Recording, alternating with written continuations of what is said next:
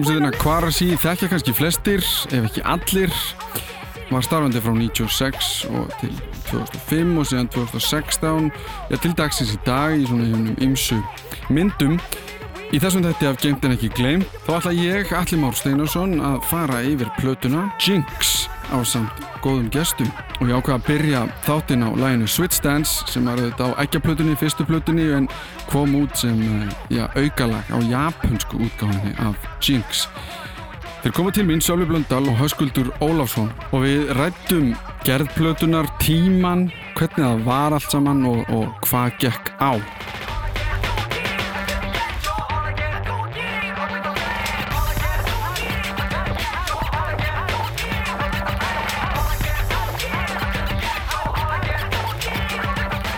Til mín eru komnir Sölvi Blöndal og Höskuldur Óláfsson meðlumir í Kvarasi Steini er til minnst að hann er á leiðinni frá Reyðafjörði í bíl, þannig að hann kemst ekki en því meður, en sko áður við byrjum á plötunni Jinx uh, þá er kannski, þurfum við að fara aðeins yfir bara aðeins yfir söguna, af því að það er ekki platan fyrsta platan og síðan er platan með nafni sem að ég mun örgulega aldrei byrja rétt fram, Senesis mm. uh, Já, er það svona nokkuð til þannig? Þú barst það rétt fram Já, ég bara rétt fram, það er gott að gera það í fyrsta skiptið á upptöku uh, En Jinx er svona saman sko, hún er samofinn af sögunni mm -hmm. uh, Ég meina, ef við getum farið stuttlega yfir sögu Kvarsi mm. og hvernig þetta band kemur saman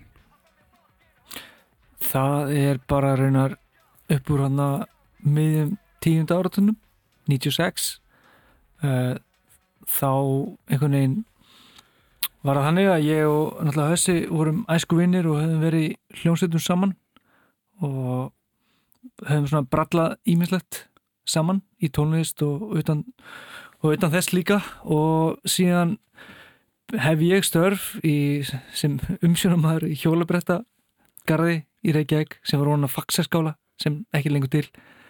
Og þar kynntist ég Steina sem var svona hjólabretta stjarnar í Reykjavík hafði þá nýlega unnið hjólabrætta keppni sem besti skeitarinn mm. og sem bara sé hann rappa upp á sviði og ég var eitthvað svona mér fannst það skemmtilegt og einhverjum sérlega í ljósið þess að ég og Hössi höfum verið aðeins að, að bralla í að sampla og leika okkur og, og svona fara út úr rockinu sem við höfum verið að gera mm. en það er ekki rétt mjög næðum mm -hmm. Og hvað er þið gamlir þarna? Reknaði nú. Ég er 20, 21 árs Ég er svona 18-19 og, og, og ég einhvern veginn Úst, hafði einhvern veginn verið hafði verið í einni sigursveit músiktilun stjórnungkissi og ég hafði sagt skilið á það sveit. Mm. og ég var einhvern veginn bara svona stuttumáli bara búin að fá smá leið á þessu hefðbunda rock eh, grúpu kultúr þar að segja að mæta á æfingar og ég hafði meira áhuga á þessum tækjum og tólum sem mm. voru svolítið svona sækið sér verið tölvum og samplerum og... En voruð þið þá sko voruð þið að hlusta á rap eða hip-hop eða, eða þú veist voruð þið að því að sko þessi tími 96 veist, hvað er í gangi þar? Stuttur setna sko náttúrulega byrja kannski, það er rosa mikil harkjarna þú veist hérna heima. Mínusvinnu 99 mm. það er svona rock'n'roll er pínu ráðandi afl. Mm -hmm. Svo í gagfræðskóla voru við en mann ég eftir að hlusta á eins og NWA mm. Public Enemy mm. og svo Beastie Boys mm. veist, kjölfarið mm. en svona áður en ég byrja svona með, með ykkur á fullu í mm. hvar ég var ég ekkert sjálf upptekinn af þessari músík, þannig Nei, við vorum að, ég man að ég og Hössi vorum að hlusta á Nine Inch Nails Já, og svona, Prodigy en, og, Prodigy og, og en ég hlustaði rosalega mikið á mm. Public Enemy Já. Og ég einhvern veginn fór alveg að bóla kafið það. Og bara lærið það utan af mm -hmm. allt einhvern veginn. En, en já, Prodigy, stort uh, síðan sko þegar við kynumst Steina þá kom hann kannski meira með þessi svona hip-hop eins og Tribe Called Quest, Nas meira þessu svona, já, Dela Soul auðvitað sem maður hefði hlustað á en, en Steini var alveg á kafi því. Oh. svona þessu, kannski jazzaðri típu af hip-hopi. Cannabis hip-hop. Og við vorum einhvern veginn þannig að í þessu uppölu þrenningu, hvar að sí, mætti svolítið ég og Hössi sem bara, hei, bara segja hreint og við vorum meira svona rockara strákar svona attitude og Steini var meira að koma úr svona skateboard svona hlusta tribe og kynnti mig fyrir farsæt og alls konar svona sem mér og hausa fannst skemmlegt og við hlustum á þetta. Við partum mikið. Mm -hmm. kannski meira en við vorum í stúdíónu en þá vorum við alltaf að hlusta þetta. Mm -hmm. En Kvarasi, ég heyri sko Kvarasi nafnið hefði komið út frá því að Steini var kallaður Kvarasi þegar hann var að skeita Það er hár rétt og, að, og það komið frá arabísku. Já. Yfir eitthvað, hvað hva var aftur þýðingin á arabísku? Yfirburðar eða eitthvað slíkt Ég man það ekki alveg. Ekki hugmynd, ég held að því yfir... Steini sé ekki. Já, ég held að sé yfir náttúrulega en, en Þetta er gammalt fjölskylduna með svo Karachi í hérna Pakistan, þetta er sama, sama orð, sama stopni Þú veist, við skýrðum okkur BMX fyrst sko, Já. fyrsta mánuðin síðan einhvern veginn var niðurstaðan svo okkur fannst það lélegt namn og okkur fannst hvar Ég man ekki eftir þess að fundi það sem Þetta er, við, okkur í Vestlablaðinu oh. Og þar héttum við hljóstum BMX og við vorum allir með nöfn. Ég man ekki ég man ekki mitt nafn og ég man ekki þitt nafn en Steini kallaði þessi Kvarasi og þess vegna hugsaum við hei, þetta er bara flott nafn Kvarasi, heitum bara Kvarasi þannig að og, og, og hvernig eru svo fyrstu skrefin bara, ég meina, sko af því að þátturinn er ekki kannski um sögu Kvarasi, mm. en það er eggjaplantan sem mm. ég man alveg eftir sem úlingur ja. að koma út og, og ég meina þegar ég heyrði Switch Dance í fyrsta skipti, mm. að þá var ég bara býtunum við, mm. hvað er að gerast hér? Ja. og hún var mjög rá. Það kom út þarna EP á, veist, áður en að ekkjaplattan kemur fyrst mm. út frenduði hvað 500 eintökum sem að fór út á einni viku. Einn deg sem hétt bara Switch Dance.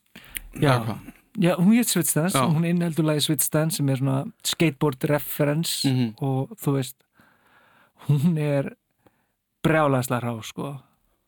En það er einhver orka á þeirri blödu sem ég bara elska sko. Mm bara þegar þetta kemur hann að fyrst, fyrsti takturinn hann að það er eitthvað bara veist, við, sko, við vorum ekki nefnilega kveik okkur fannst það bara eðlast að tónlist í heimi. En ég hef hört marga að segja bara já, þetta var bara eitthvað glænýtt og, og í dag skilja þetta var eitthvað bara nýtt industrial punk. Já, mm. en kemur það einhverju leiti út frá því? Þið nefndu Prodigy, þið nefndu Chemical Brothers. Já. ég meina það er svona það, það, ef maður hugsaður ok, hvaðan ætli áhrifin komi? Það er alveg hægt að horfa til Breitlands til dæmis já, og á þetta sko. Já, já, við höfum verið að auksa ég og hössi. Já. Já, Nines Nails. Já, Nines Nails. Já, já. Það var lúmst, við hlustum náttúrulega rosa mikið á rock'n'roll. Við höfum verið rockljónsitt saman. Uh, Já. Og þú veist en einhverju, ég held að við vildum báði próka nýtt. Já. svona, vorum einhvern veginn Síðan kemur mm. Genesis og það er aðeins svona, það er aðeins breyting þar. Og hún í raun ég meina, hún er katalistinn af já. Jinx. Já, hún er katalistinn, klálega, það er vel orðað Og hvað er það sem breytist sko á milli platna? Að því að sko Jinx er síðan svona sambland af nýju og aðeins gömlu. En, en eins og senast, hvað er svona það sem breytist á henni, er þið bara að byrja að taka ykkur alvarlega? Fengum plötu samning Já, já veist sko, já, við fengum samning. Mm. en fram að því voru við reyndar independent mm. svona mest for the mest most part ég held bara, þú veist, það var einhver staðar í framlýslu, eða listræna prósessinum á, á Senesis sem uh, ég og Hössi eða smá tókum ákvarðunum um það að fara í harðara sand og þá meina ég rock'n'roll er, er það rétt munna hjá mig? Ég held líka sko að þá voru kannski byrjar að pæli markkóp mm. sem við gerðum ekki á, á hinnum plötunum um, þá voru við bara að gera músik fyrir Íslindika eða bara fyrir okkur, ja, okkur en með Jinx erum við að gera músik svolítið mikið fyrir bandarækjumparka mm. og veist, við vissum hvert við vorum að fara. Við ætlum að fara þanga, við ætlum að gera þetta. Já. en þá voru alveg fundir með veist, með svona plötu executive mm. það sem hafa sagt bara þetta gengur ekki eða þið verða að fara lengra þanga eða mm. Sem er bara alltilega að taka marka því. Mm. En sko árunum förum í fyrsta lega plötu sem mm. er alltaf svakalegt lag til að Já. byrja á, e, plötu á þá verður ég aðeins að spyrja út í sko ennskuna Já, já, uh, já, góð spurning að, að því að það eru mjög margir kannski textahöndur á Íslandi og rapparar sem að finnst sko er með það er miklu auðveldar að rappa á ennsku það er svo mörg orð sem rýma þar Mm. á móti íslenskunni Mm. en kannski hössi ef ég spyr þig sko sem textasmið á í kvarasi Mm. uh, var það eitthvað sem þið langaði alltaf til að gera eða langaði ykkur alltaf til að vera á ennsku eða, eða hvernig var var það einhver ákvörun eða gerðist það bara? góð spurning Það svitstans fyrsta lagið er eftir steina og það var Mm. bara á ennsku þannig að en náttúrulega við gerðum held ég á hver einustu plötu eitt íslensk Já. lag Já. Mhm. það var meðvitað okkurinn, mann ég um, vorum að pæla í þessu uh, vorum einhvern veginn að Mér finnst einhvern veginn eins og stefnan hafi alltaf verið tekin á útlönd sko. mm, okkur held ég að fundist bara íslensku markar alltaf of lítill mm, og svo líka já, bara mitt er reynslu heimurinn hvað við vorum búin að vera að hlusta á Mm. og uh, ég veit ekki hvað skal segja. Meinar bara frá byrjun hafi stefnan verið, eða þú veist svona, svona ekki kannski alveg bara úr Þetta var ekki með en, til ákvörðun að að hafa þetta en sko meira bara, heilt, þetta var steinakenn að segja það. Já, af því hann er ekki en við getum gert það. Já, þú veist að kannski líka má halda þetta til haga minna, með Switstans bara við slóum í gegn eins mikið og Íslands hljómsveit getur slegið í gegn. Mm. svona þannig sé og veist, við vorum samt í jaðar hljómsveit. Við vorum ekki spilaðar á bylgjunni og við vorum ekki spilaðar á FM 957 en og við, eða satt best að segja vorum við bara ekki spilaðar neinstar Mm. en við vorum samt alveg risa hitt band. Sagt strax 96-97 það, já, reyndar heldur við mestan part exið sem svona hjælt okkur á lofti. Já, þú veist þannig að, en, en, en eftir ekki fannst mér ef við svona einhvern veginn byrja að tala meira um það, hei, þú veist okkur langar út að spila. Mm -hmm. svona, og það kannski leiður okkur að Jinx, plötunni. Já, sko sagan eins og ég sagði áðan meina, uh, Genesis er hvað sagði ég, katalistinn já. fyrir Jinx uh, hvað gerist þannig í middeltíðinni? milli mill- Exins og Já, Genesis já. Nei, nei, milli Genesis og síðan Jinx af því að sko já, það, ég meina það byrja hlutur að gerast. Plötu fyrirtæki byrja kannski að já, nært í ykkur það síndur áhuga í Erlendis frá og, og síðan kemur þessi samningur við Columbia já það er, er smá löngsaga sko. Já, en, en, en það er alltaf leið, við höfum mjög Já. mikið af tíma. En málið er að að þú veist, það er eiginlega tíminn á milli Exins og Genesis sem ég finnst eiginlega meira áhugaverði Já, Við túruðum Ísland, við tókum alveg íslenska pakkan á kassan mm -hmm. og við vorum mjög aktífir á spilamennskunni og svona, sem fengum við ógið allan eins og ég maður Mhm. uh, og við fórum í sikkur áttina bara í svolítið langan tíma bara hálft árið eða eitthvað. Já. og ég fór aðeins Erlendis og var eitthvað að finna sjálf mig eitthvað.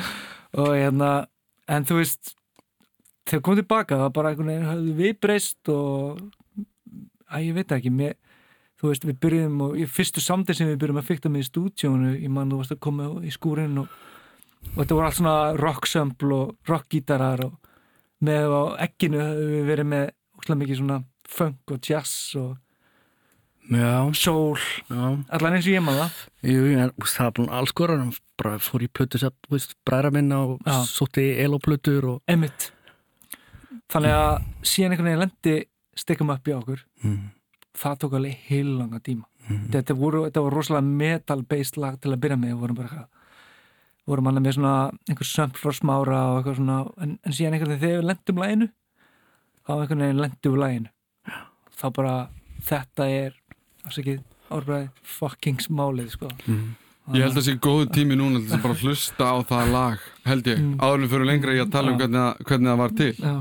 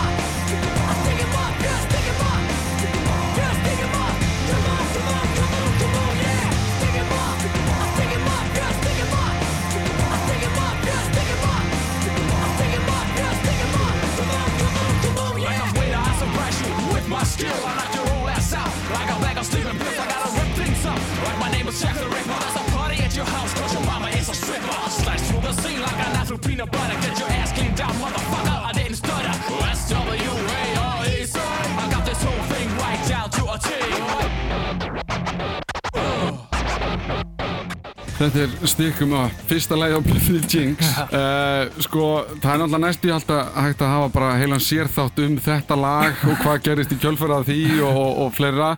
Uh, Sko, en við byrjum bara á, sko, lagið er, er náttúrulega til áður en að Jinx-platan kemur út og er á annari plötu. Uh, Lagið sjálft, eins og þið voru að segja þið vinnið saman í því. Þetta er mjög rockað ég meina, þið, þið töluðu um smára tarf var hann komin inn í eitthvað mengið, voru þið byrjar að vinna saman eða hvernig eiginlega fæðist þetta lag? Já, ég ringdi, eða sko, ég ringdi bara smára Mm. og hann, ég þekkt hann lengi hann spilar suma af þessum gíturum, ekki alla, ekki aðal gítarinn Mm. Þetta Nei, hann, spil, hann, spil, hann spilar ekki það Er það samt? Nei, er það, það? það, það er ekki sampl það er, er bara spilað í stúdíónu Af og- hverju? Uh, af sessjumanni Ok, það er einhver huldumæður það er huldumæður og hérna uh, það spila á Le Gibson Les Paul gítar. Ok. Og Ég sem er bara farin að halda Gunni Þórða hafi verið hann í nei, stúdíónu. sem er enda eitt þingsti gítar Já. sem þú getur haldið á. Já, en, en sko basically lægja á sér svona langa fæðingu og síðan er það þannig að það er rosalega bara mikið að samdum í þessu lægi miklu fleiri en þú vattar á sko. Mhm. og, og því að markmiði var að, að þú setur á plötu, sko plata tvö fyrir allan hljómsveitir er erfið. Mhm, bara það er bara eitthvað náttúrulögmál í Mhm. tónlist sérstaklega þegar plata eitt hefur gengið vel. Og þannig erum við að tala um því að þetta lag er á já, henni. já, og það sem ég vildi var að einhver hefði slegið með baseballkilfur þegar þú myndi hlusta á það lag. Já. og þetta bara, er þetta kvarasi? Ég vildi, ég vildi að fólk myndi hugsa það. Já, út af því að við höfum verið að gera svona svolítið poplög, Mr. Caulfield, The Force og svona, þannig vildi ég bara svona, ok, það er bara there's a new kid in town mm -hmm. svona, það var alltaf mín pæling og, og hérna síðan alltaf bara neilaði, neilaði hössi þú veist, intensity í röddunum og já þú ert mjög æstur Mhm. þessi í þessu lagi svona tín angst lag og texti svona hérna hlusta þetta núna rifi bara ég hef ekki hlusta þetta í mörgar um, þá var þessi texti, hann fjallar um internetið sem farlega það hljómar. Ha? Á, býtum við Before there was you we didn't know what to do. Já. Og svo er eitthvað hérna fleira. Og þessi mörg, mörg, margi textar á þessar plötu sem fjalla um internetið. Þið var það hug, hugfangið? Já, það var svona, veist, ekki kannski nýtilkomið en veist, ég er að þeirri kynslu sem að skrifaði bref og, og setti í umslag og sendi til útlanda. Já, ég, Ég man skri, alveg ég skrifaði þér já, kallið minn frá einmitt. Argentínu. Alveg rétt. Og svo bara hérna sagði einhver hérna fáði gmail. Og maður bara, ah. Við hotmail þá. Þannig að já, þetta var svona, veist internetið og bara klám og bara, veist, þessi heimið sem opnast fyrir þér. Já. Og stikkum upp.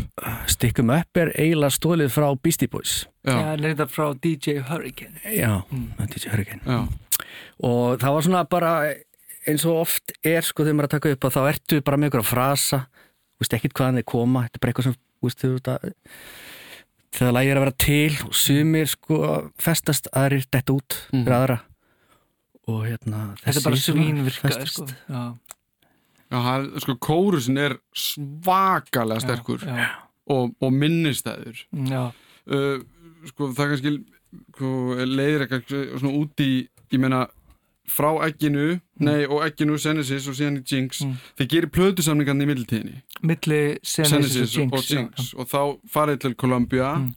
og það nú kannski aðeins flóki að fara út í Mm, ég meina, ef við stiklum bara stóru þið spilið á þannig í New York mm. er það ekki? Að við byggum við, eftir að Stikam Up kom út í oktober-november 1999 Já, bara, þú veist, lók janúar er bara ég og Görarnir erum bara fluttir í einhverja íbúin á Manhattan sko og, af IMI eða hvað? Eða hver? Já, já, af IMI borgaði fyrir þá ferð Við og, spilum á og, fyrstu erfisháttíðinni já, þar er hérna einhverju útsendarar frá IMI mm, sem eiginlega bara sænuð okkur sannar okkur staðnum Já. og svo fyrir við út og þá Hvernig var bara sá fundur? Ég verða það eins að hvernig var það fyrir það munir það engin Nei, ég, þú veist, veist skilur það, það Jú, ég man að vísu, jú, ég man eitt. Hann kom þá, hérna, sá frá IMI strax eftir tónleikana og sagði ekki tala við neitt, Já, ég er að fara að sæna ykkur.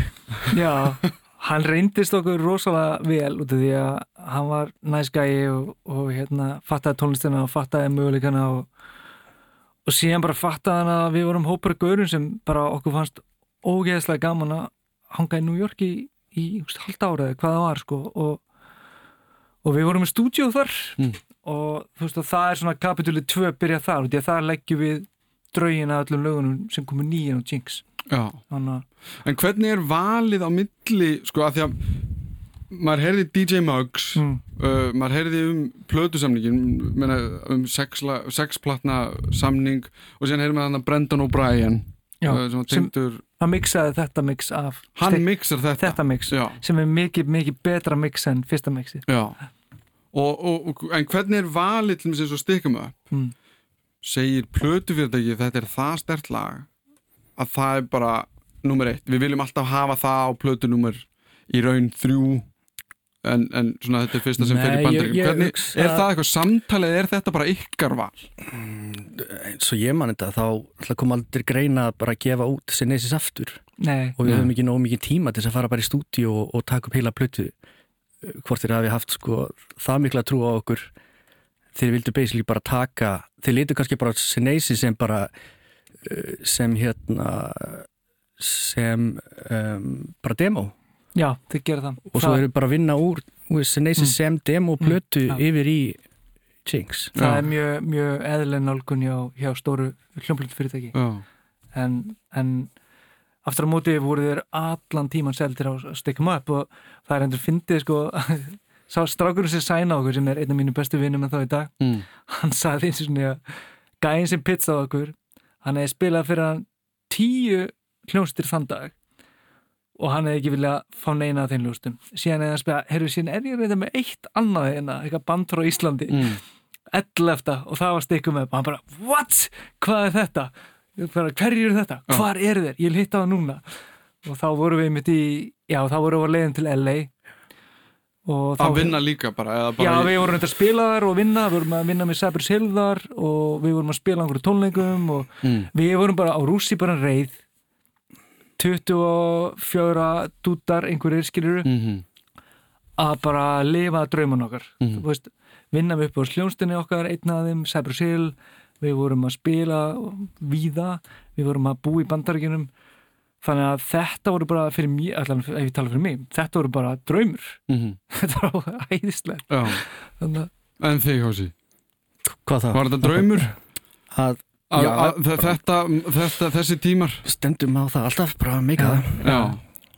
En hvernig er, sko, þú nefndi Sebri Sil og ég get ekkert sleppt ykkur að þess að nefna bara aðeins að spyrja út í menna þegar DJ Muggs er nefndur að hann hafi átt að koma inn í Jinx-plötuna já, uh, varð eitthvað úr því eða hvernig spilaðist það allt saman út? Já. Hann var svo geðbilaður Já, er það? Já, þú veist, eða dópaður eða ég veit ekki er ég að segja um mikið núna? Nei, alls ekki, ég held að hann sé ekki að hlusta sko, Já. það eru átján ár síðan.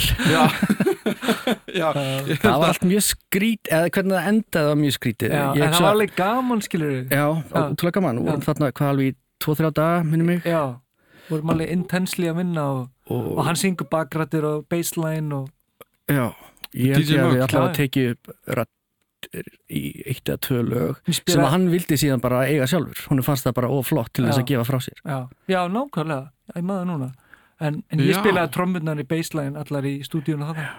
Hjá honum? Já, Já, og þú veist og við vorum einhvern gítarleikar á honum sem reyndar var fór síðan sjálfur í Cypress Hill setna þetta var allt svona þetta er svolítið svona gaurar að rómanskum uppruna, svona latinos. Já, mjög svona harðir gæjar sko. Já Hvernig var svona kemistri þið- Hvað, hvað eru þið margir að núti? Eru Þeir eru öll hljónstin úti en bara ég á mest ég og Hössi erum með mögs Já, og hvernig var kemistri hann að þessi tveir ungir íslenski gæjar að koma hann inn? Já, ég bara kvara sér, hvað Mér finnst það gaman sko. Vopnar örgisverður sem tók á mót okkur Já, manni. þeir eru náttúrulega allir vopnaðir og, og dópaðir. Já, og það eitt og sér er svona ákveð stressfaktor. Já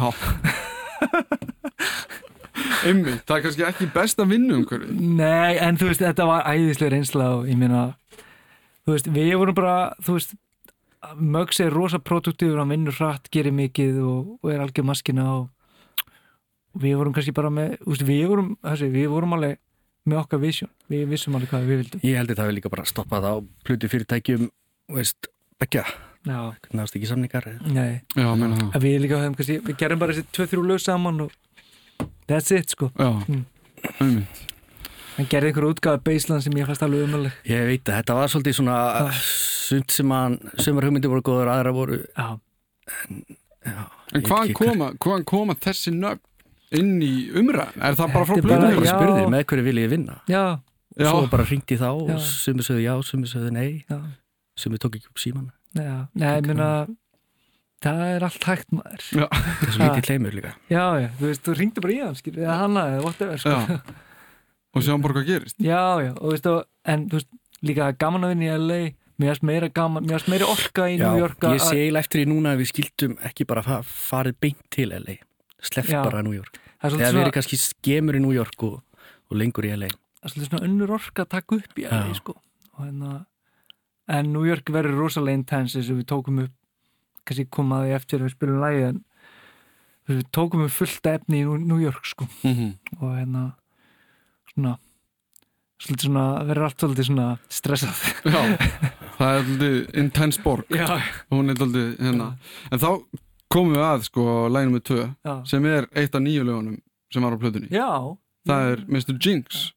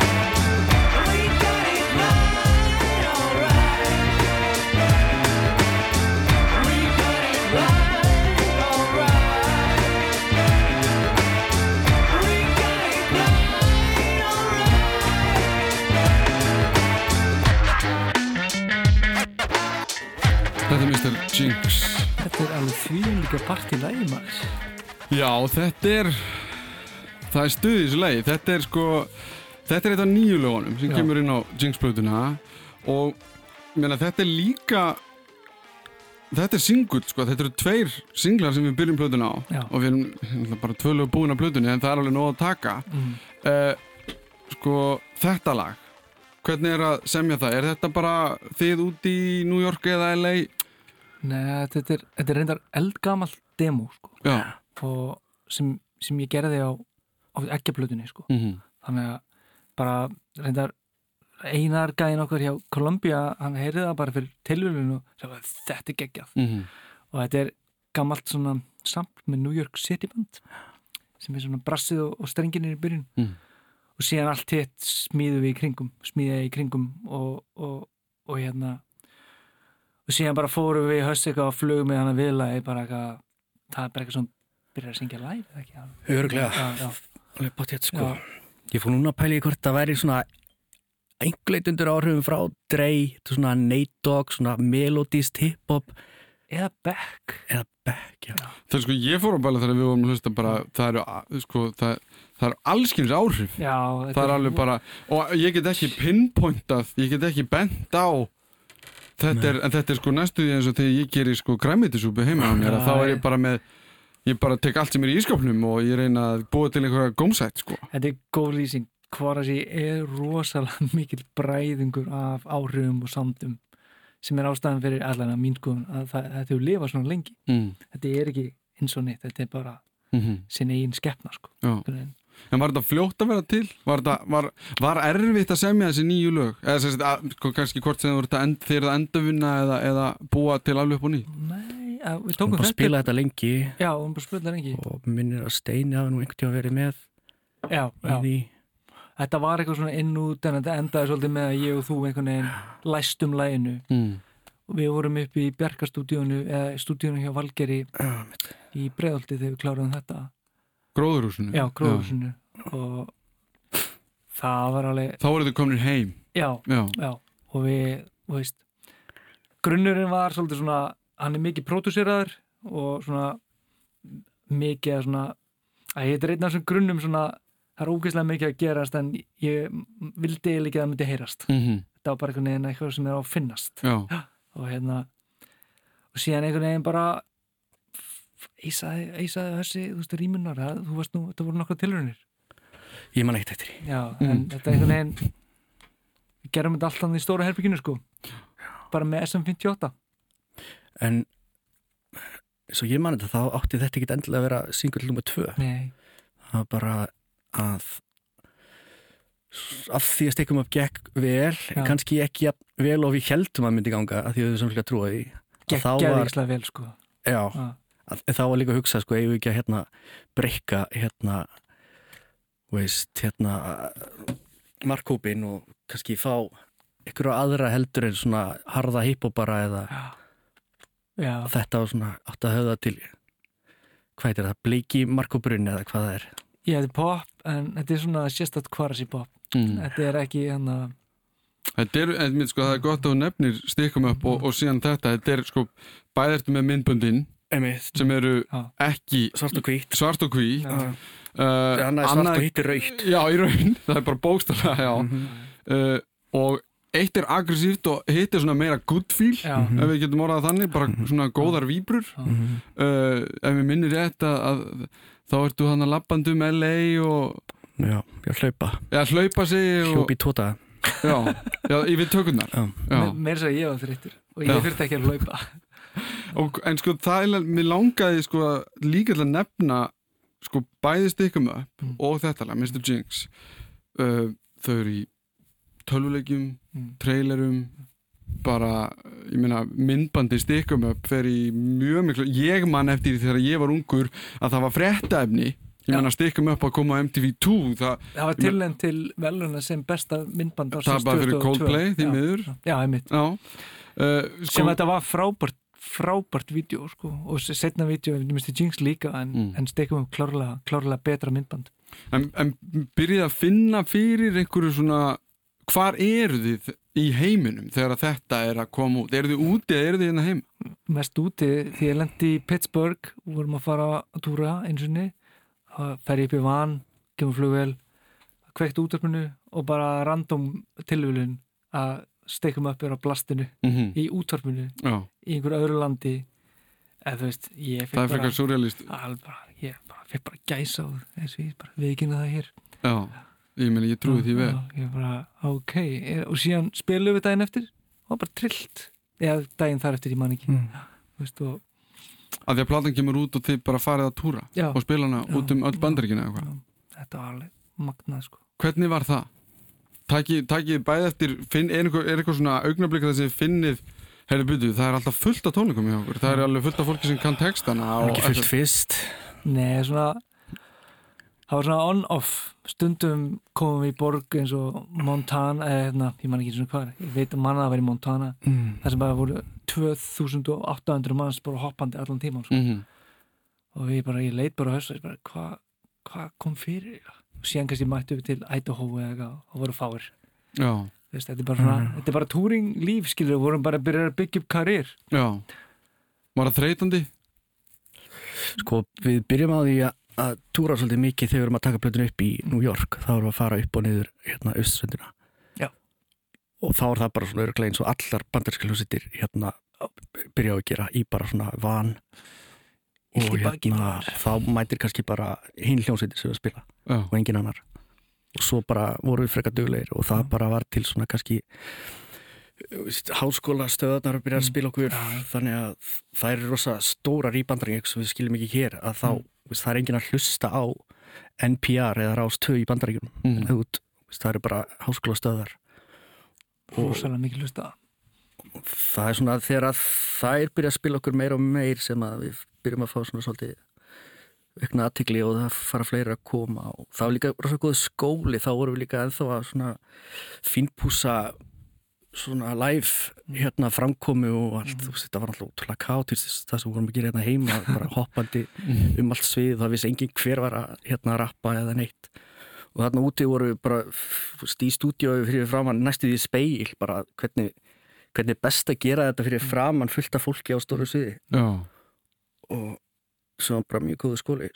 Við byrjum bara að gera þetta í alvörunni og vorum bara rosalega, verðum alltaf meira og meira pró. Og hérna, já, við vorum svolítið duglegir að svona túra van, já. Uh, þú veist Ég man á Fred Durst sagði tímann að ef að bara það, svo hljómsveit sem gerði það ekki hann geti ekki tekið marka á henni, sko. Nei, nei, en þú veist þetta er alveg, maður fær í baki og, og hérna Þið getið þetta ekki núna, ef orðið þannig. Nei, þú veist.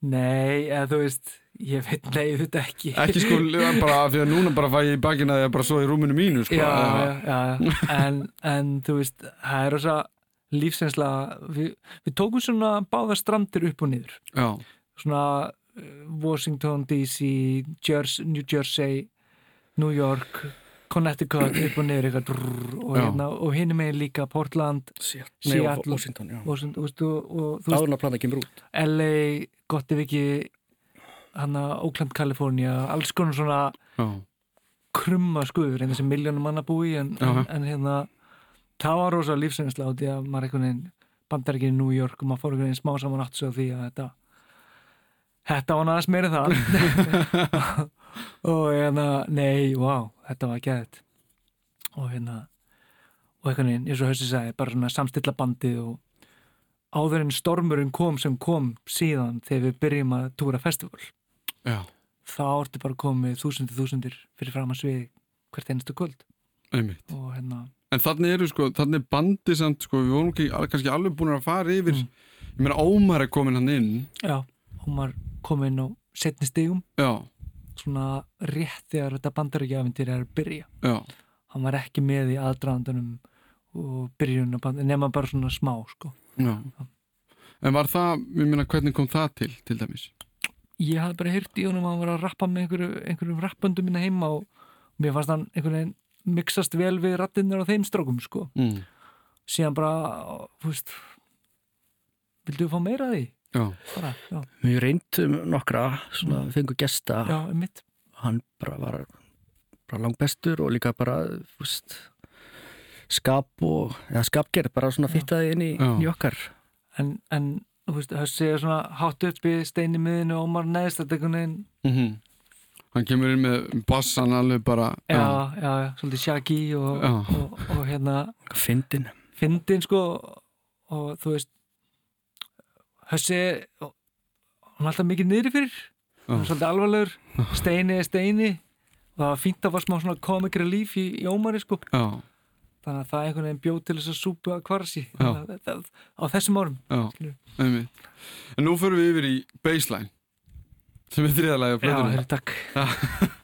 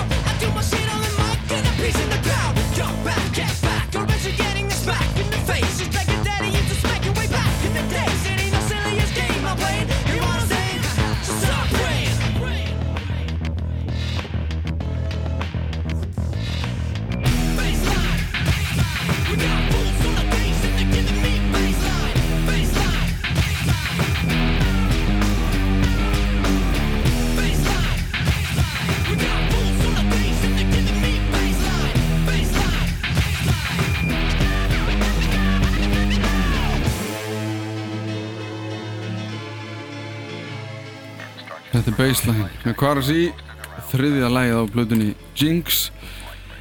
Þetta var nýtt. Þetta var nýtt. Mm. Nei, ég, hann að, þetta er rétt áður við fórum til New York þá, þá samt í þessa bassalínu og, og síðan viðlags bassalínu og síðan var einhvern veginn allt smíðað í kringum það. Mm. en þetta er eitt bara lengsta production session sem ég bara vitað um. Það tók ógeðslega tíma.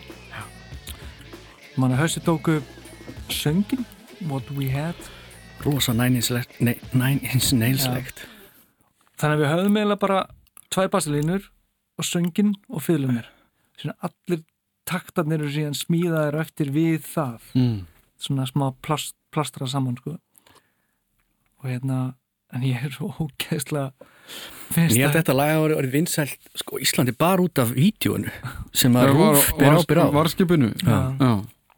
Man ekki fyrir hvað þetta var, bara Nei. dagsljós eða eitthvað svolítið Já, var þegar bara- það var ennþá tónlist þegar það var hann í kastljós eða dagsljósi eða eitthvað sem það var tónlistar í, í lokin eða stundum og, Einmitt, þetta var þannig. Þetta er, nú, þú veist, þetta er, vins, þetta er eitt vinsalasta kvarsilæð Já, og þetta er rosalega þó ég sé, þetta er, þetta er, þetta er samdar hókæðslega vel maður, ég bara fekk sjokk en að hlusta á þetta. Bassið hann í viðlæðin, þetta er alveg trillt sko. en þetta er sko af hverju er svona löng fæðing á þessu? Bara að vinna það eða reyna að átta sig á því hvernig á að byggja það og hvernig á að hafa það? Við fannlega fórum í getna margar rýmur Já, á þessu. Mitt og og einhvern veginn þú veist, þetta átti einhvern veginn að samda þannig að þessu væri inn í herbergi og það verið, þú veist, 80 marsjálstæður mm -hmm. og bara við bættum og bættum og bættum gíturum og bættum gíturum og bættum gíturum og síðan fleiri gíturum sem meira feedbacki og þú veist, og einhvern veginn var aldrei nóg. Og síðan kvöldið árum urðum að skila mixunum og fór ég upp í stúdíu og hitti engineerin svona að mixa og, og þá var takturinn allt öðru þessu læginu og sagði, nú skiptu út taktinum. Mm. þetta er eitthvað geðveikur, þú mátt ekki skipta út taktinum skila læginu morgun. Já. þú veist þetta er röng ákvörðun, svona ámar ekki vinna í stúdíói. Út í að þú veist á morgun getum við ekki tekið þetta tilbaka. Já, og ég, nei, nei, bara ég vil gera þetta. Og það voru alveg, þú veist, 50-50 þetta var rönga ákvörðun en þannig að þessi taktur er miklu svona hann er miklu meira högtandi. Getum lægið, sko. En hvernig ferðu þú í það, sko, að því fýluðu sömpl og þið fýluðu tæki og tól, mm, en þú ert trómari líka. Uh, og það heyrist alveg í trómunum já, uh, að byggja þá taktinu upp. Ferðu þá bara inn og tekur upp á trómunar og, og, og byggja síðan ofan að það nei, við byggðum nýjan takt í kringum rímunars hössa það var málið, hössið að rappaði verið alltaf annan takt í þessu leið það er ekki margir sem áttu sig á því að, þú veist, og við tókum hann bara hendum honum. Og síðan, þú veist, síðan kemur rímunars hössa Mm -hmm. og ég byggði í raun og veru taktin í kringum það sem hössið var að gera. Um. þannig að þetta verður svolítið svona þetta verður allt, bara, bara vestinars hössa verður svolítið svona mikið högtandi. Já. og það er svolítið svona það sem er alltaf einhvern veginn gerir svolítið það er svolítið, það er svolítið weird Það takt er svo heimur mikið af áherslum á Já. sko öðrum í staðan fyrir fyrsta í einmitt, einmitt Þegar hinn, hinn takturna hefur verið miklu meira bara Já. miklu meira basic taktur sko en þessi taktur er rosalega funky Já. og hérna Hvað varst þér um að heyra það þá, Hessi, þegar þú hefur ekki verið hann inn í stúdíu? Ég man ekkert veist hvað langt síðan En varstu ánægð með útkomuna? Alveg örglega Já. Við erum alltaf, hérna, ja, mjög, alltaf í setni tíð, ég man ekki hvernig það var á Amerikutúru, alltaf byrjaði þessu lagi á Já.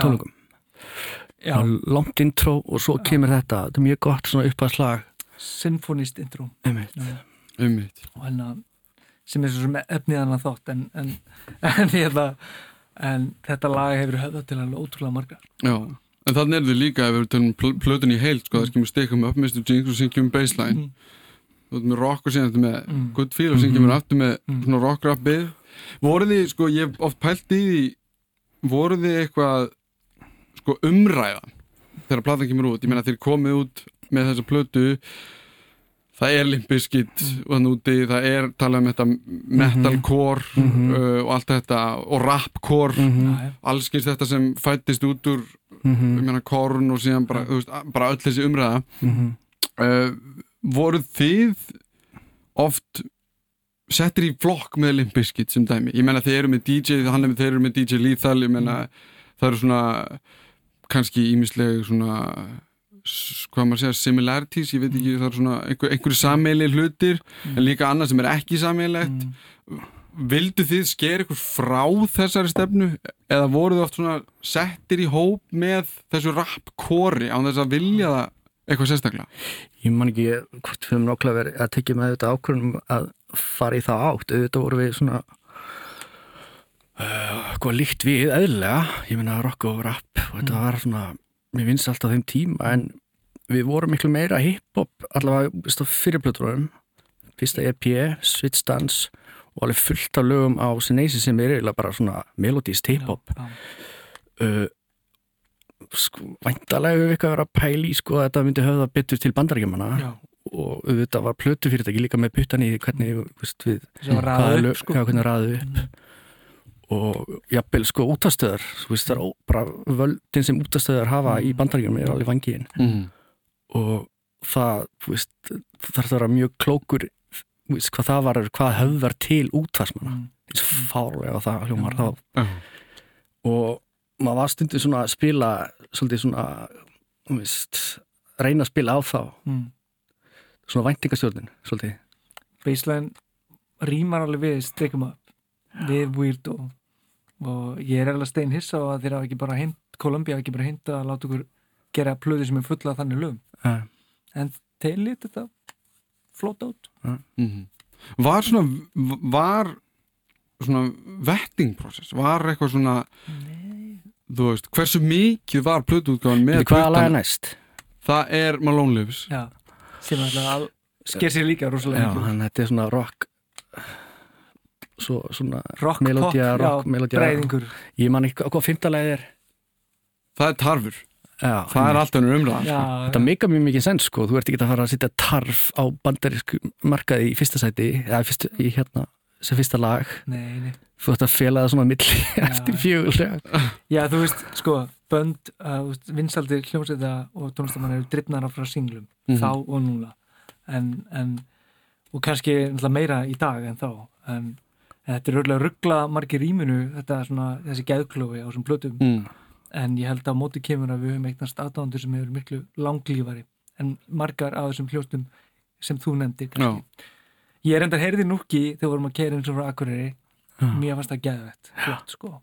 Flott lag sko Já, ekki hljómur bara Já. þessum limbiskip já, já. Já, en síðan einhvern veginn mér fannst það síðan Það útvatnaðist, sko. útvatnaðist sko algjörlega og en, en fyrstu plötunum Limp Bizkit eru rugglar, sko, Já, ég hlusta mjög mikið já, á þær en, en ég er bara svona pæli ég mitt sko að þetta er komið nákvæmlega í þessari bylgju einhvern veginn Það Já, sem að, hvort við, já, ég skilji ég held að, nei, sko, við erum ennþá bara að vinna með industrial Já. punk, Já. ég og þú allavega Já.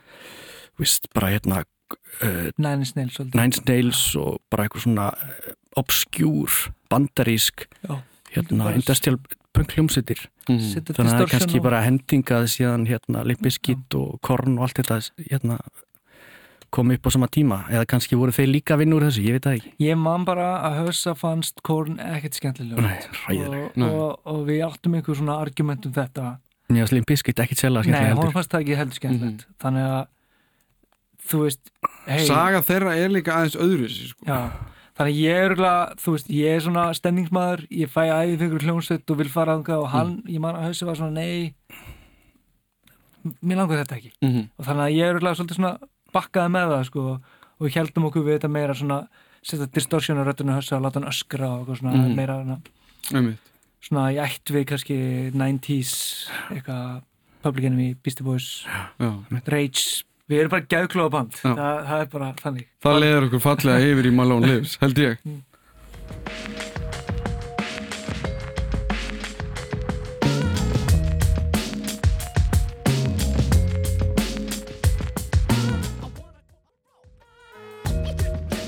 Við höldum áfram með geimt en ekki gleymt eftir fimm fréttir. Ég sitt hérna með Höskuldi Ólarsinni og Sölva Blöndal og við erum að tala um plötuna Jinx. Akkur núna erum við að hlusta á lagið Malone Lives. We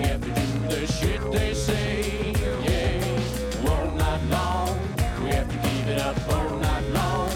Right to the next day.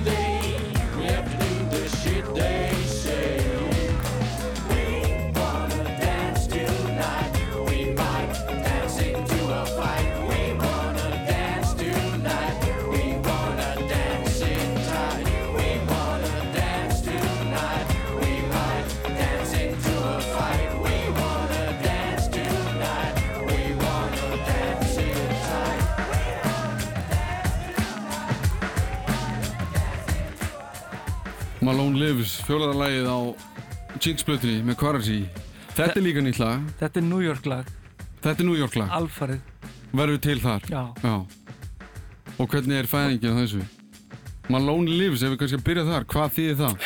Er það eins og Flatus lifir? uh, já, hérna, þetta er ó, skrítin þetta er skrítin leið er þetta hérna vísun í þetta á hljóma svo illa í hérna skáldsöf eftir Samuel Beckett sem heitir Malone Dice og ég var bara að lesa þessa skáldsöf á þessum tíma. Já. og ég bara, hvort að ég vant bara nafn á lagi og var ekki komið texti og ég bara ykkur flipi segi Malone Lives. Já, og hérna þessi texti ég var ekki að reyna að muna hvernig hann hefði verið til en ég held, veist, það er rosa mikið af allavega mínu textum á þessu tímabili er hvað ég er búið með eitthvað eitt eða tvö ár í íslensku bókmyndafræði og, þetta er, og hérna las rosa mikið, það hef alltaf gert. Þannig að þetta er bara þann daginn sem fórum í stúdíó þá bara var það hending hvaða bók ég var að lesa og lagið er síðan yfirleitt alltaf bara eitthvað, eitthvað svona pælingar út frá þeirri bók. Já. Þetta var þetta ekki myndiniti. alls sennilega, eitthvað.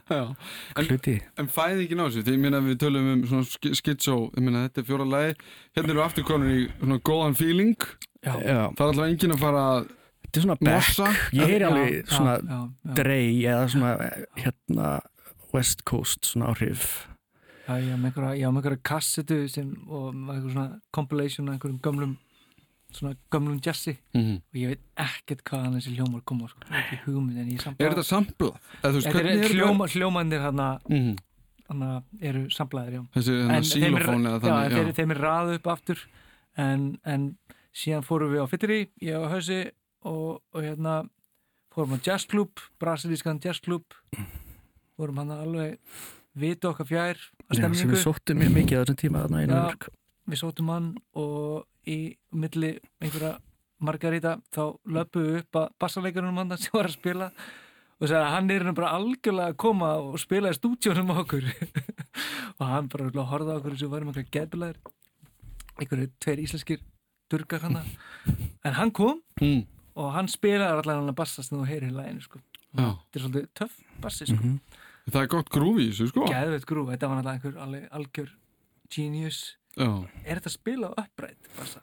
Nei, Nei, hann spilar, ekki. hann spilar á fendibassa já, og hérna, ekki nefnt að byrjast með hann fyrir okkur já. En þetta var lókislega gaman og, og síðan einhvern veginn bara er það reyndur hössi sem syngur vilað þess að djúpur rödd. Já, sem er feikað í myndbandinu. Ég hafi lifað öll þessi ári lígi já, og haldið þetta væri Ómar. Þetta var þetta var eiginlega bara ég og, Ólafsson sem, sem gerði þetta sko. Já. já. Var það mikið kemstri?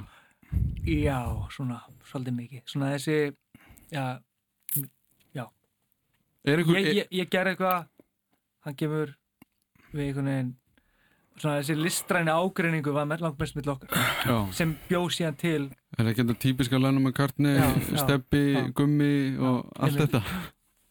Það er þetta er, svona- þetta er alltaf svona, þetta er alltaf svona. og, En, hva- sem bjóð til lögin, listræni ágreiningu sem bjóð til músíkinu og svona Já. en var einhver af því sko eins og nafni sem við nefndum aðan hann hérna Brendan O'Brien Mm. og minna, við tölum aðeins um DJ Muggs Mm. kom einhverjur aðrir pródúsentar inn í þetta ferli sem voru svona Reyndu Þeir reyndu það? Hvað hétt hann? Gigi Garth já, unnum við með honum. Já, já, Aha. alveg nokkur kvöld uh, Sá sem að hann hérna alltaf próduseraði Rage, nei hérna Fun Loving Crim, Criminals eða ekki? Jú, og Rage. Já, er Rage, já, Rage.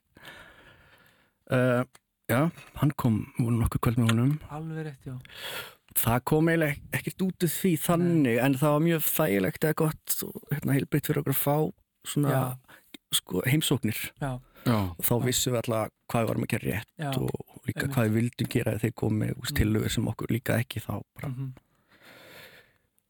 náðu það ekki lengra. Nei, en kannski hérna, byggum á því sem íslendingar að einhvern veginn að vera bara svolítið kókraustur í einn skinni. Mm þú veist og það meina ég á jákvæðasta hátt mögulega. Já, bara Að- hafa trú á ykkur eða hvað? Já, þú veist, þú við vorum að vinna, veist, ofta hitta mjög stórt og frækt fólk. En við einhvern veginn bara við vitum betur sjálfur mm og þannig kannski bara eru ungi menn líka. Það er kannski bara fylgið því líka. Þannig að það kannski leiður ykkur að umdeldu lægi á plötunni og eina íslenska læginu mm það er tarfur. Já, ekkert að gera með tarf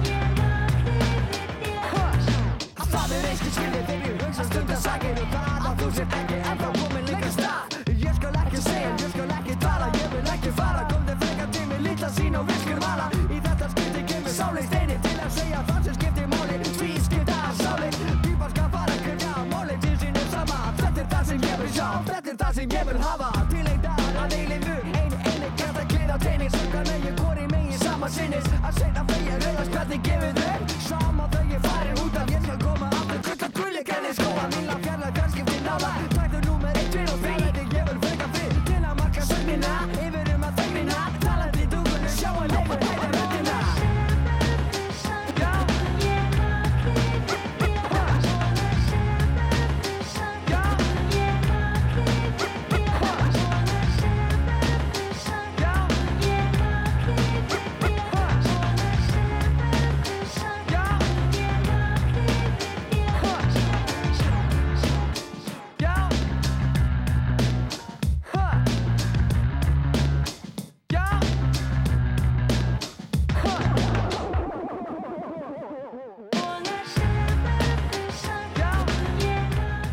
Ég vil eiginlega koma inn á þessu sampli. Já, Hvernig, ég meina, sko, hver ákveð það? Byrjum bara þar. það er nú sannlega ég hann það en, en við vorum samt í stúdíónu og, og við Byrju, hvað vorum við? Nýjast takna vísindi Nei, við vorum örgulega í Soltúni Svo vorum við ekki vorum við í NTV með þetta? Nei, við vorum í Ég held að textin sem skrifa það er alveg Já, ok Já. Þetta er þetta er ógislega næs samt á þessu Mm. og en já, já, já, út af því að náttúrulega, nú mann ég bassin í þessu náttúrulega er líka sampl úr óðmönnum Já. og það var út af því að ég hafi einhvern veginn myndað mjög gott vínáttur sambandi við Jón G. Jónsson Já. sem var óðmaðurinn og hérna og einhvern veginn fengið svona grænt ljósi á honum hann bara blessa, bara tjekk hvað þú vilt nota eitthvað, bara hann, hann var alltaf svo næs, ok. Þannig ég var eitthvað að fann hann að dum, dum, dum, dum, þú veist, samplið Mm. hana og var alveg staðraðan í einhvern veginn að gera eitthvað við það. Og það gekk ekki trúslega vel framan af og því ég náði einhvern veginn aldrei að það var flott samplið en síðan einhvern veginn hvað svo. Já. og þannig að það liði einhverju mánuðir og þá vorum við með vínirplötu að þú og ég og, og við bara hún, þetta er spilað beint af henni við bara köttuðum það inn old Mm. school style, við Mm. sömpluðum þetta ekki Nei. þetta er bara, við vorum með DJ sem Já. rúlaði Var það inn gísli þá eða? eða... það var nú örgulega Björn Ingemyndursson sem gerði það Já. DJ Dice Já, Mm svona nákvæmnismadur mikill þannig að þetta hljóman er svolítið sér sample en þetta er actually Bara bara, beat, beat mixað af, af SL1200 Einmitt. Og hérna en þú veist, síðan bara kill uh, strákanir, rímunar í þessu gjörsamlega Já. Það við, sko, það er, það er alltaf tventi, sko, lægi kemur alltaf á Genesis já, fyrst. Já. Uh, og er síðan aftur á Jinx, Mm. svo ákvörun. Ég meina þið töluðu áðan um að þið vildu alltaf hafa allavega eitt lag á íslensku Mér ákvörun. minnir að sko að Columbia hefði viljað eitt íslenskt lag viljað Já, þeim, þeim fannst það vera eitthvað sem myndi svona veist, skera uh, úr. Það var eitthvað svona, eitthvað nýs. Við væri þó með eitthvað, veist, eitthvað öðruvísi. Já, þetta er ekki Eða þetta eitthvað. var spennandi og veist, það var eitthvað neginn, eða hvort þeim við bara fundist það quirky, ég heyrði og ég öðru. manna það. Já, uh, ég man það ekki. Ég Já. var hvað corporate America hefur verið næs eitthvað. Uh, Ég min- min- minni það allavega. Og við spilum þetta lag alltaf veist, á, Já, já. á túrum já, við gerum það Mm og þú veist, þetta fólk elskar þetta lag sko en, en Íslendingar alltaf elskar það mest -hmm. við höfum alltaf spilað þetta lag á hverjum einustu kvarsitólugur sem við höfum haldið Já. þetta er geðið lag Það- Og þið á íslensku, þetta er svona, meina, við töluðum aðeins um það, meina, þetta er bara, þetta eru fanta rýmur, orðan bara þannig. já, ég veit ekkert um hvað það lag er. Ég man bara að við, við erum eitthvað að stela sko orðum úr hérna þú og ég. Nú er það, já, já ok. Uh, ég er með vak við þér, held að byrja þannig. Og hérna ég er reyna að muna hvar við tókum þetta upp. Oh my god. Var það bara ekki upp í smiðu vei, upp í en, þar. Ok, ekki mikilvægt. Ég er kannski að ruggla við hérna krokodílamann já, þú ert röglega krókutilmann já. Þetta er separate operation í smiðukörunu mm, 1999 mm. Sem þið takkið upp þetta lag. já, Já. tökum við upp á saman tíma og tökum stick 'em up Það er ekki þetta lag líka svolítið flott er að það er mjög hægt. Mm. ég veit ekki hvað er hægt svona RPM en rímunar eru ógæslega hraðar. Já. og það er svona við ótrúlega flæðandi og, og hérna textin sko hann svolítið svona hérna hann líður svolítið fyrir það að við vorum mjög mikið í svona taktpælingum. Mm. að breytum takt, veist, að brjóta það upp. Flæði og allt þetta. flæðið upp. Þannig að stundum þurfti orða að fara sem að meikuðu kannski meiri sens fyrir önnur sem að bara fyttuðu betur inn í bítið sko. mm. og hérna Að það er eiginlega það sko sem gerir þetta lag svolítið svona sérsta hvað bítið er hægt einmitt, og svo sjúklega hraðar Akkurat. hraðar rýmur. Skilur það, skilur að alltaf uh, ég smíðaði síðan taktin aftur í kringum Já. rýmundar ykkur Já, aftur er það aftur, já, þannig. ég gerði þetta svolítið oft þú veist, hössi að steini komu og droppuðu og síðan var ég eitthvað eiginlega óanað með taktin og, og Mhm. byrjaði að smíða hann aftur fann að þetta er svona eftir á kom ég í stúdíónu og letið þetta einhvern veginn passa við högtið þeirra Já. þannig að þetta er, þetta er rosa swing í þessu eitthvað svona weird swing þannig að, að En þetta flög á plötuna þetta flögu plötuna maður þetta er alveg þetta er quasi necessity sko Já Mhm. Förum yfir í Copycat Já. Já, hér, ríkir kyrr.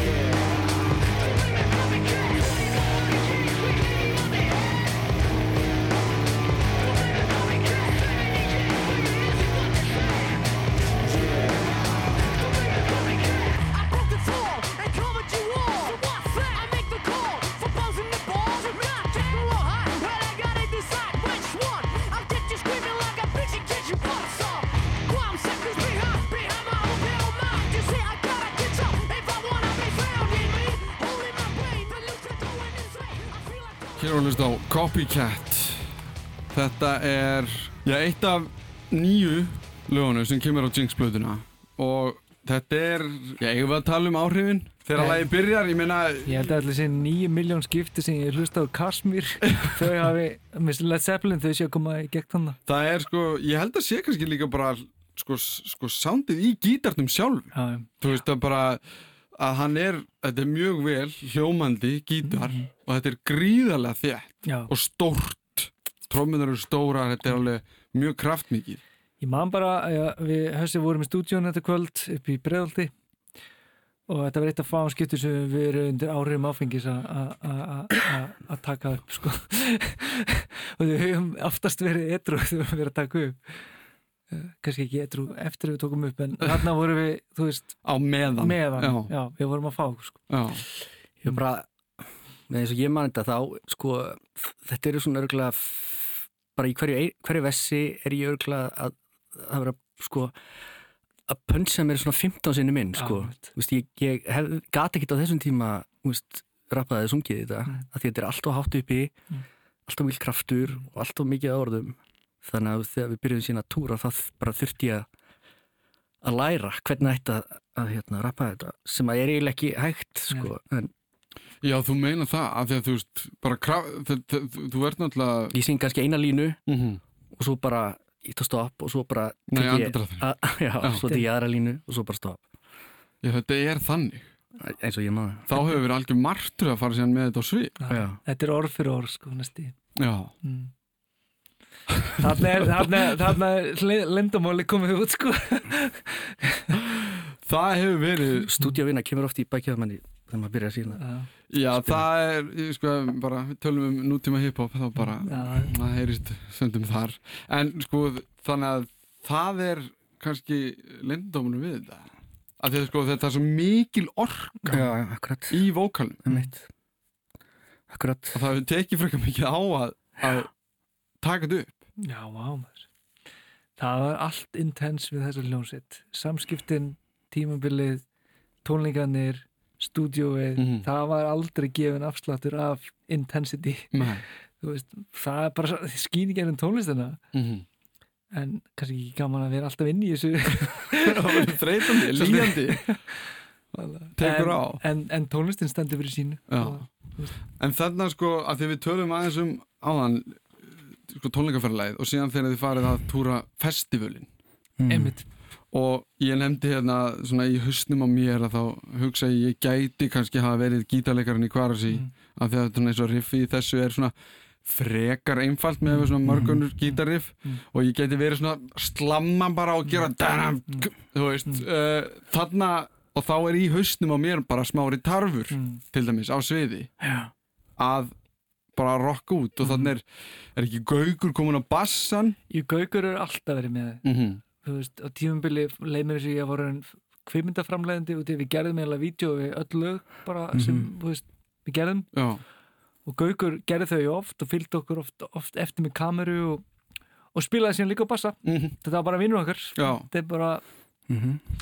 þú veist svona er þetta bara. Já. og þannig að Gaugur spila bassan í þessu, hann spila bassan reyndir í tarfunum líka. Já, inn á plötuna sjálfa. Já, inn á lagið já, já, já. Já, já, já, já. bara har mikil heiður að, að mörgu hana og en smári aftur á móti er svona hann, hann á slatta riffum hann í Copycat Mhm, þetta er hennar riffuna sem er í versunni það hössir að rappa já. við bara reynd, ég reyndi svo í gata að láta sanda ítla Mhm. til þess að viðlega ég myndi springa út sko. Já.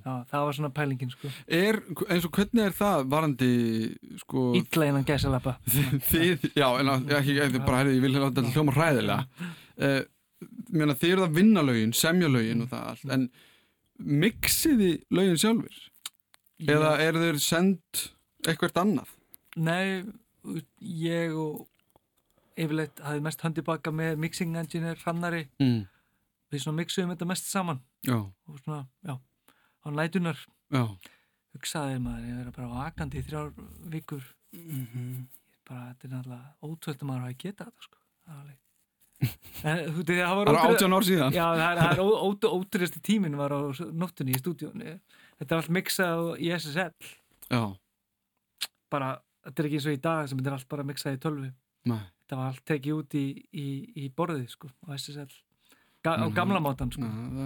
Þannig kemur þetta sándið já, nei, menn það hefur áhrif. Já, þetta er að fara í gegnum einhverjar raf, já. Rafbrautir þetta er ekki mixað inn í Pro Tools Nei, skilur. nei. þetta er mixað út í SSL borðið sko. já, það er bara, ég bara gleði mig mjög að heyra já, Förum yfir í Transparent Parents sem hétt það held ég ekki þegar var fyrst eða hvað nei, nei, nei.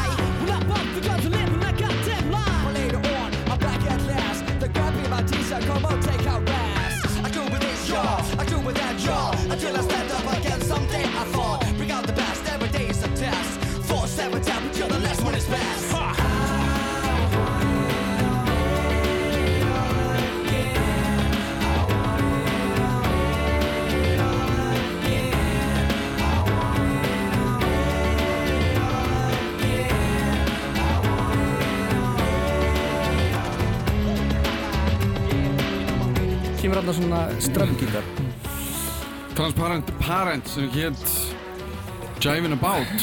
Er það Parents? Ég, þannig er þetta label alltaf hjá mér. Ég held að heiti bara Transparent Parent. Já, ok, það, það þarf að breytast í kjærunni og rúm. Já. fun fact uh, Fyðlunar í svo lagi Það eru spilaðar að Hildi Guðnadóttur. True, true story. Þetta er bara mjög góð staðfinn sem að ei, fáir hafi vita En sko, Jivin About það hétt það á Sensis mm -hmm. af hverju nánabreitingin? Því að Jivin About því er ekki neitt, ég man ekki hvernig, hvernig það kom Jivin About. Það breytt textar. Ég, ég man að ég var ekkert sérlega spenntur fyrir þessu lagi inn á plötuna. Þú varst mjög spenntur fyrir því.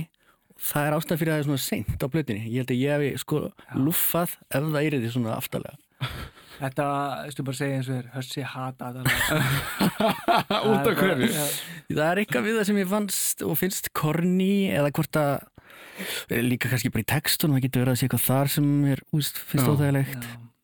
Um, það var mjög erfitt að spila þetta lag á, á hérna á, á sviði eða live. Við höfum aldrei spilað það. Jú, við gerðum það mjög oft og, og mér minnir að þá hafi fólk einmitt farið út í síkópásu eða eitthvað slíks Já, og þess vegna hafi ég líka fengið ég held, ég held að þessi sé svona einhver leiti trámaður að það þurft að spila í hlið hjá síðanskinn sól. Og það var sinni. njálsbúð 90 og örglega voru nýbyrjar ringdi Helgi Björnsson í okkur og við kerðum í við fleiri hanna í njálsbúð. Ég kom ekki heim samur og heldur ekki hössi og einhvern veginn, þetta lag tengist í eitthvað, ég veit ekki alveg hvernig. En það var eitthvað að þú veist, því að ég gerir tengingu millið þessa lags og og við einhvern veginn ok, ég hef ekki bara að segja þetta bara eins og er. Þannig að við einhvern veginn þegar við vorum að koma aftur 99 þá var þetta lag til og þegar við vildum gera eitthvað svona catchy, catchy pop lag Mhm. til þess að fara með í útvarpið. Smá svona íslenski leipullin sem þrýst á það síðan einhvern veginn fannst mér þetta lag ekki skemmtilegt Hauðsa fannst það ekki skemmtilegt og áhörundum okkar fannst það einhvern veginn ekki skemmtilegt. Þetta var alveg fárlega sko. þannig að það var bara ah, þetta var ekki gott. Og þetta var eitthvað svona moment. Og það ekki, En síðan er það á plötunni. Þetta er bara filler á blutinni, Já. Já. Það er bara þannig. Já, bara að vera hefðlega með það held ég. Þá þurfum við ekki að eiga meiri tími í það. Er það ekki? Nei, þetta, þú veist, mist, síðan bara síðan, síðan er bara, þú veist, hei finnst ykkur örulega, fólk getur skemmtilegt og þá er, mér finnst, persónulega finnst mér Jæfin er búin skemmtilegri útgáfa, Já, hún er einlægri já. En okkur var erfitt að taka þetta tónleikum? Mennur bara að því að það, fólki fannst að þér leiðin sem fólki fannst að leiðast eða það var ég, bara ég erfitt að kannski syngja bara skynjaði þannig eða kannski líka bara því að þarna var maður orðið þreyttur búin að taka svo mikið að lögum og svo kemur þetta eitthvað svona víst, ég það ekki, þetta svolítið svona Þetta er of happy fyrir okkur já, þetta er alltaf happy, Já. þetta er alltaf einhvern veginn melodíst Já. og já, bara vantar vantar allt hvar að síða Við erum miklu skaps við erum miklu skapverri en þetta lag sko. Ég held að það bara sé mjög góð tenging inn í næsta lag Weirdo I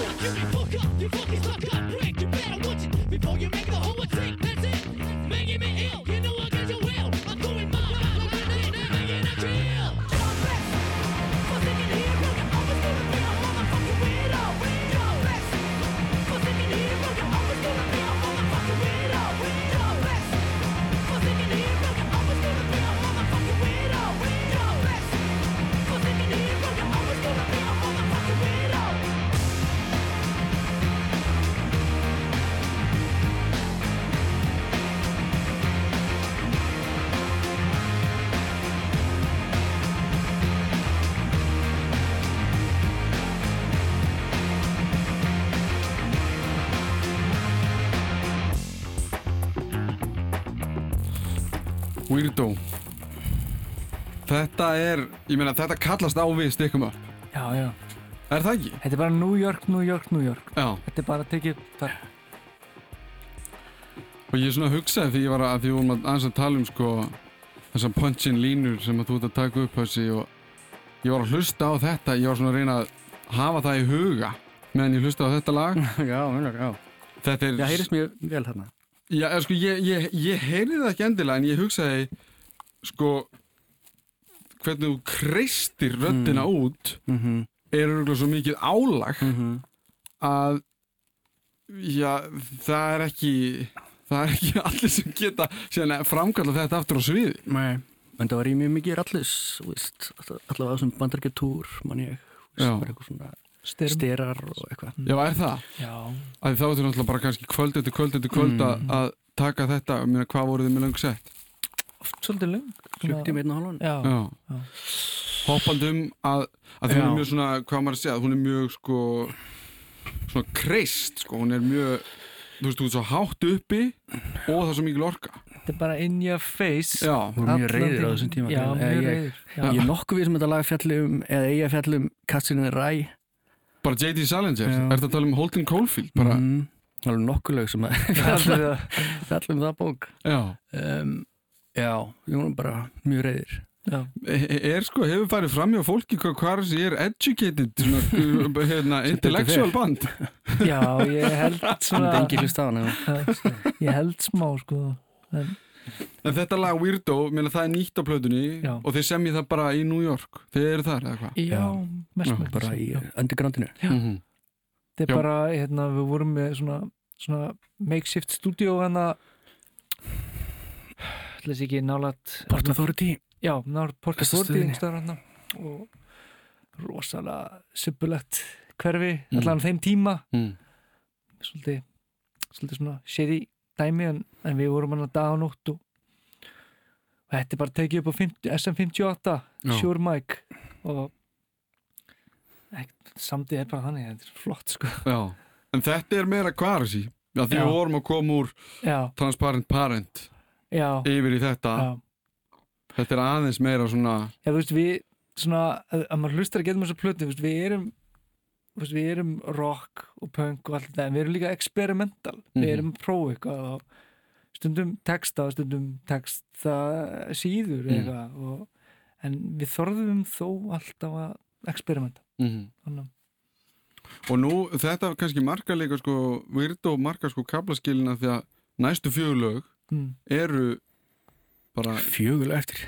bara í, í hérna þau eru uh, gömul, eða þau Já. eru það er Genesis, Fuck You Puto Dive In og Bless. Þetta eru löng lög sko.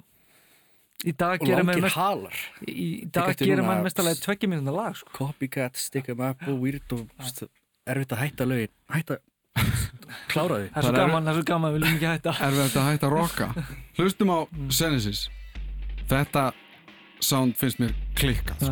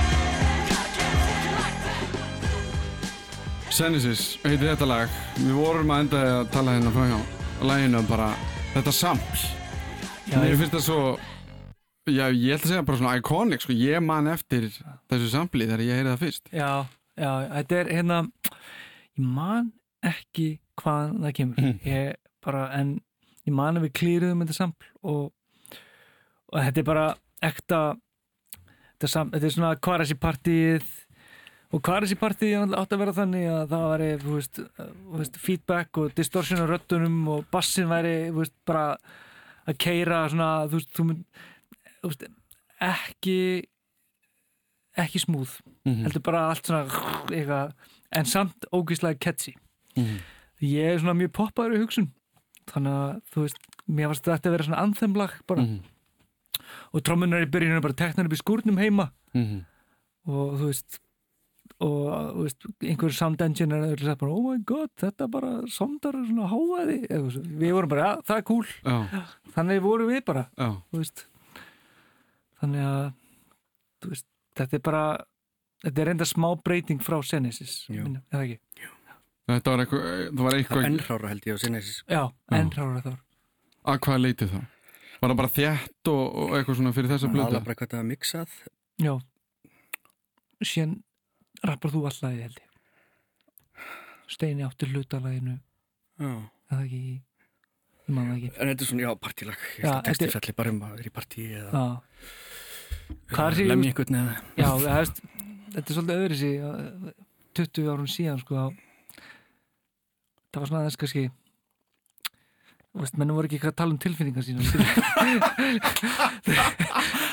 þú veist, það þetta fór alltaf einhvern veginn í að drekka, landa og brjóta glös og mjög, mjög óhefnileg leið að segja hvernig mann líður Mm. en þetta var okkar leið. Útrás. Já, Já, já, útrás, einmitt. Það, sko, það var eitt sem mér sko, samt, var svona hugleiki sko, það er uh, að því við tölum íslenska lagið aðan og, og Mm. tarfur það er sko hreimurinn þinn. Mm. Það er svona slemur Nei, hann er nefnilega hann er svo glettilega góður Mm. og hann sko, þú, þú hugsar ekki þetta er Íslendingur að reyna að vera með enskan eða bandarskan hreim eða eitthvað og það kemur svo mikið óvart fyrir 20 árum Mm. að þinn hreimur hafi verið svona hvað maður að segja svona, hann hafi bara maður hafi ekki sett upp eða spert eirun eða það hafi neitt verið neitt skrítið og það hann hafi kannski gert að verkum að hvar þessi það var svona kannski stundum á höldu hvaðan hvar þessi kom. Byrju, er þetta íslensk hljómsveit? Þessi gæi hljómar ekki eins og þessi íslenskur Er hann bara frá náttúrunar hendi? Eða varstu búin að horfa bara á þætti og hugsa Við þetta varum er að heimur ég og Sölur erum aldrei upp við sko ennst barnaefni, það var ekki komið hérna. Afi var ekki komin. Það bara G.I. Joe og, Já, og nákvæmlega. hérna. Já, góð punktur. Annars veit ég ekki. Svo líka sko er ég þannig að þegar að ég svo ég lærði í Breitlandi í, í nokkur ár þá var ég komið með breska reym Mhm. og fólk ke- hafði ekki hugmyndum að var í Íslendingur þar. Ég veist að sé bara þeir sem eru músikalskir þeir eiga bara auðvelt með að hérna taka upp veist, þá sem að reyma í er ekki þá reyma sem að veist, þeir eru eru að hlusta á eða eru að veist, bara svona eins og pákukar svolítið mikið. Uh, en svo ég man þú veist, þegar við þegar þeir eru búin að taka upp svitstans þá hérna er Steini bara búin að taka rýmur? Þá fannst mér það bara eins og bara, hann væri bandarískur, ég Já. trúði að hann væri mögulega bara hálf bandarískur því mér fannst það vera alveg svo spot on. Þannig að ég var eiginlega bara hermit Steina sko. já. Einmitt. En þá kannski þú sko, Sensis var endurgert það er, var á Sensis plötunni Fuck You Puto. Já, það, það er hérna svona meira industrial. Fokki Puto er bara, þú veist hann að ég var, ég var tvo daga út í að þegar við ætlum að selja plötuna í Walmart Mhm. þá mátti hvergi koma fram fuck, shit og, og fleiri ljót orð Mhm. þannig að ég var tvo daga að setja svona alls konar blörra orðin sem þetta voru svona örugglega 90 sinnum sem þetta kom fyrir sko og það var sérstaklega erfitt í þessu lagi fu- fu- fuck you put og morgun sinnum sem það kemur fyrir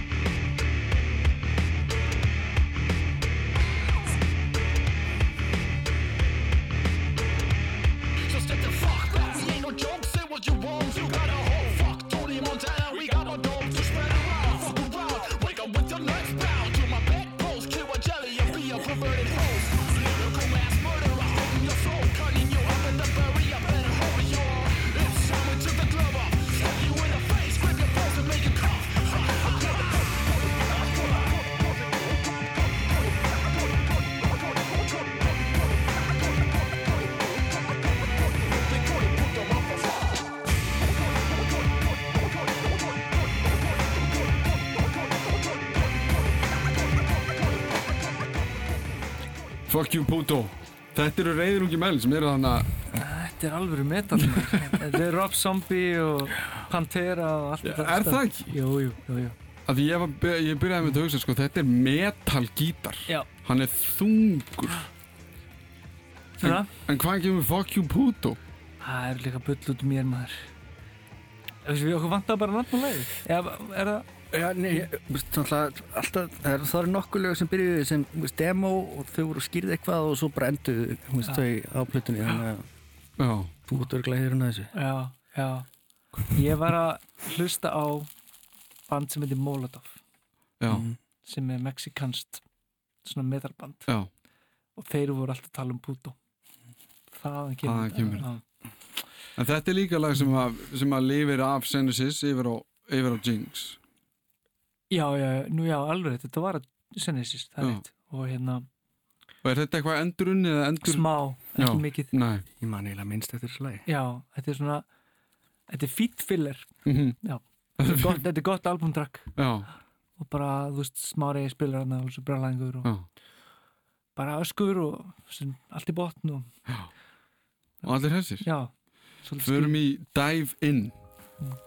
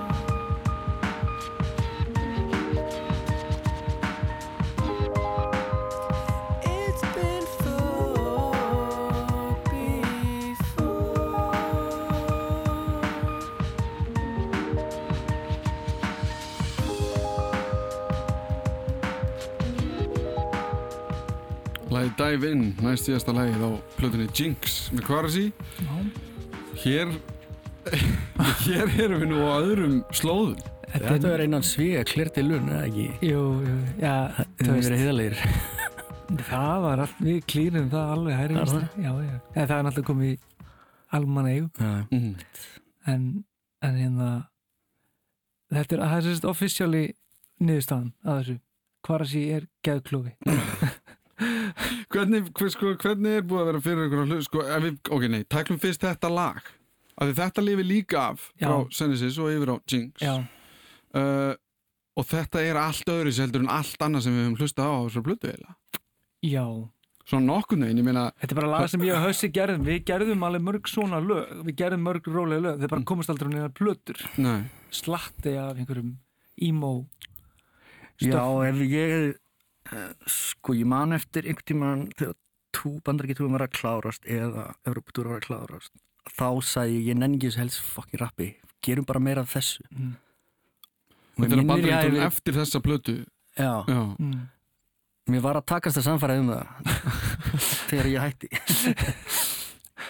Það var alltaf, þú veist, svo sem ofnbært lindamála, þessi vildi fara meira í þessu átt já, og sjálfsagt ég vildi fara meira í þú veist, það sem við vorum að gera, ég veit ekki mann getur hvert ég vildi fara, en örgulega ekki að gera alveg bara svona lög, mm en, en við gerðum alltaf svona lög, já. reglubundið og þú veist, mér varst það mér, mikið mjög vænt um þetta lag þetta er, þetta er svona kannski best hefnaða svona lagi okkar já.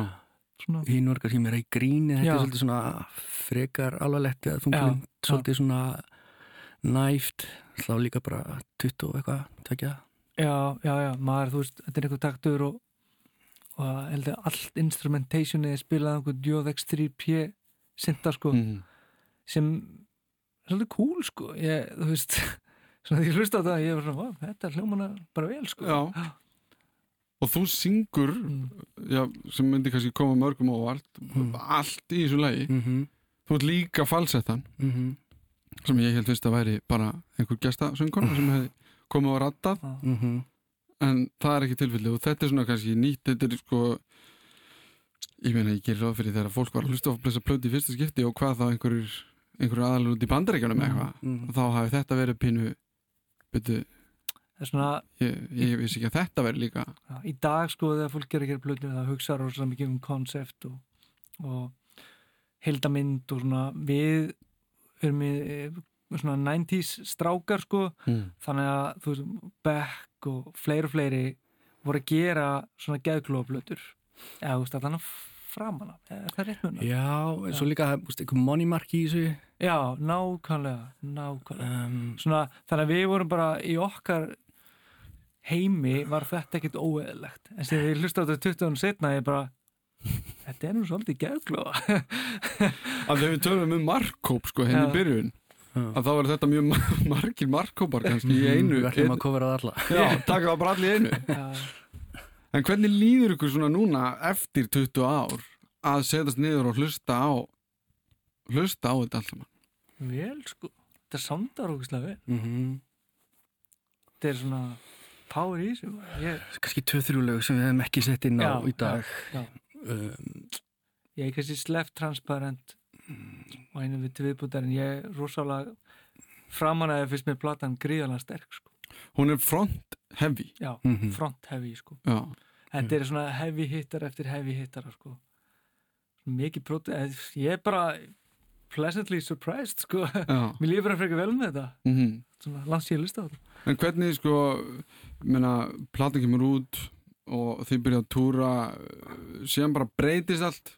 Eða Mhm. það, þú veist, ég menna eins og þið sögðu það var svona, ó, hvað sagður, óombert leyndamál eða, nei, eitthvað svo leys, ég manni hvernig orðað er að þið langar til að fara í aðra átt. Mm. uh, já, og svona var einhver þú veist, þessi tími mm var hann frekar svona bara crazy? Já, Algjörlega. hann var það. Já, Bara svolítið kannski ungir og, já, og þroskaðir. já, mjög mjög svo mm en, svo, en síðan líka í okkar svona búblu því að við fengum við flugum rosa hátt sko -hmm. svona bæði samningslega en líka bara vinstaldarlega og túr við fórum langt, við seldum 600.000 plötur og sem þótti rosalega gott á þenn tíma en, en ég bara tala fyrir mig, ég áttaði mig enga veginn á því að við vorum að fara svona hátt Mhm. ég var svo lokaður einhvern veginn inn í eigin hugarheimi, Mhm. kannski hausin líka ég veit ekki, en það er bara, fyndi að horfa þetta í dag sko